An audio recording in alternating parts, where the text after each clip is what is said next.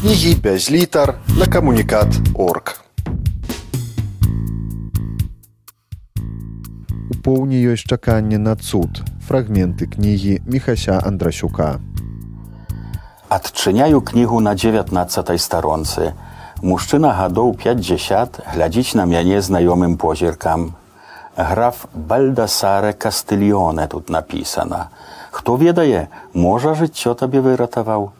Кажаш, ён падобны на твайго дзеда Мацвея? Так мне застаўся ў памяці.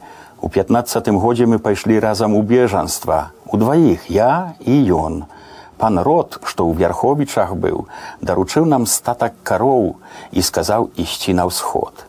І пайшлі, на слуцк пайшлі, там нас павярнулі на поўдзень, на мазэр, адтуль на ўкраіну, за харкавам разлучыліся і ніколі больш яго не бачыў. Я завандраваў аж за Маскву, на волгу і вярнуўся, ён не. Хто той час прайшоў расею, той прайшоў свет, ніякая дарога не страшная. Мне здаецца, і я яго адзін раз бачыў. Вочы сапраўды, як на гэтым партрэце, стомленыя і сумныя. Барада, вусы такія ж, нос крыху падобны, толькі адзенне зусім не тое. Ты бачыў, дзе? Тут, под нашай ліпай, у той дзень, калі яе зрэзвалі. Ён першы пасяліўся ў войнаўцы, прыйшоў з вярховічаў за працай, ажаніўся, паставіў хатку на гэтай пасажнай зямлі, пасля бежанства застаўся ад яго толькі пусты двор. А ліпу ён пасадзіў у 19 стагоддзі студзеньскае паўстанне якраз было.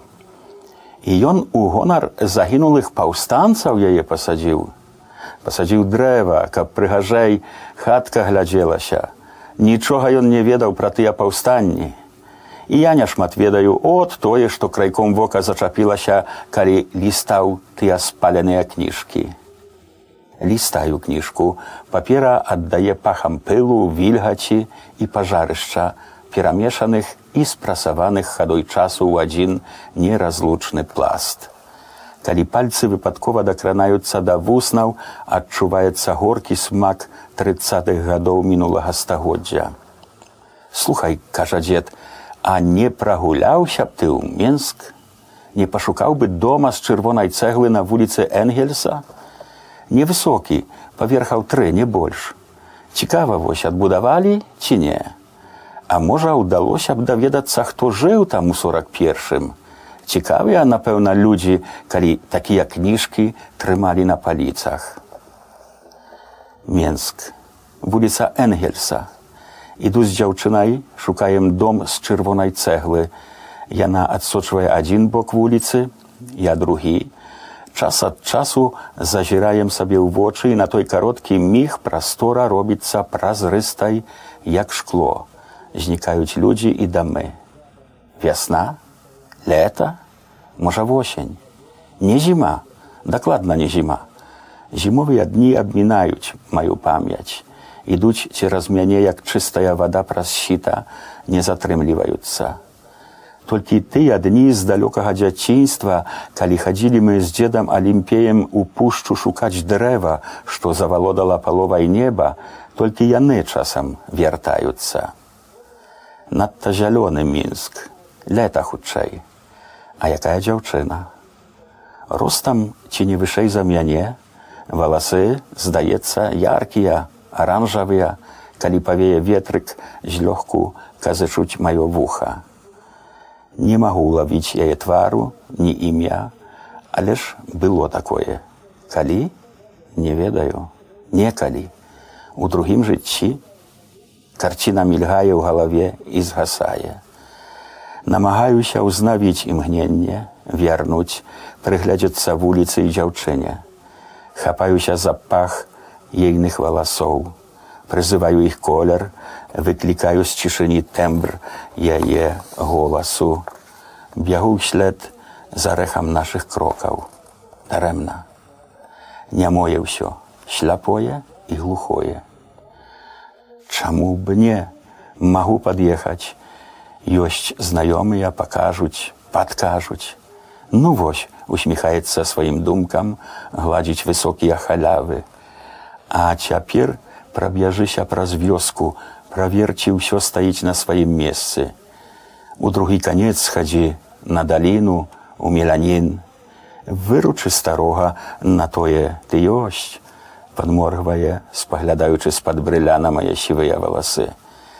А мне яшчэ адну беламорыну пакінь, узяў бы пачак, але з сабой нельга.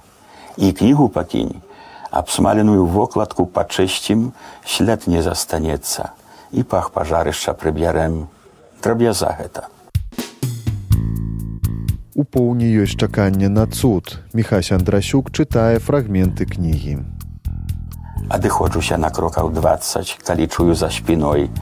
Ад палічнай хмара ідзе неўзабаве заслоніць месяц. А ты цемры не бойся, па сваіх слядах хадзіць можна хоць з заплюшчанымі вачыма. Мінаю па дарозе мёртвыя вулічныя лямпы і пачынаю разумець, чаму тым, хто ноччу абыходзіць вёску з канца ў канец, не прапусціўшы ніводнага двара, ні задварка, ні саду, святло лішняе. Доўга пісаліся папілярныя лініі вясковай брукаванкі, а камяні людскімі ступнямі забітыя ў зямлю, яны як цвёрдыя брыльянты, і не сцерці іх коламі машын не прыкрыць чорным асфальтам. Дабіраюся на даліну, зазіраю мелянін.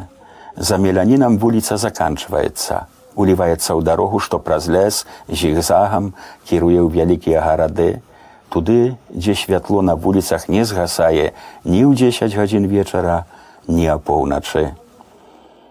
На дарозе ў горад зараз за мелянінам густой сцяной безу стаіць мяжа нашага рэвіру. Далей мне хадзіць не трэба. Вяртаюся. Бачу, як на раззораны выган неба выплывае статак белых воблакаў. Наперадзе крочыць пастушок і, задзёршы галаву, доўгім кійком пабразгвае па званочках зор. Пад ногі глядзі, хочацца закрычаць, але ўжо позна. Босая ножка пастушка зачапілася за медзяны саган, у якім добрыя анёлы вараць атрамант для ўсіх малышоў, што ў дзяцінстве з-за памылак дарослых не змаглі схадзіць у школу. Саган перакуліўся на бок, атрамант ліецца на воблакі і на дрэвы, на дахі дамоў і на асфальт вуліцы, паглыбляюся ў атрамантавую ноч, як у мінулае дзяцінства. Заходжу па пояс па шею яшчэ крок і аб'ярнуся ў атрамантавую пляму. Ці можна вярнуцца назад і выправіць свае ўласныя памылкі? Можна цяпер можна. Выдаўжаю крок прыспешваю бягу падзяліцца радасцю з дзедам дмітрыем але яго ўжо на лавачцы няма на дубовай дошцы паблісквае месячны пыл. Побач на пяску бяляе акурак беламора. Падымаю яго, заціскаю ў далоні. Яшчэ цёплы. У поўні ёсць чаканне на цуд. Міхась Андрасюк чытаў фрагменты кнігі. Кнігі без літар на камунікат орг.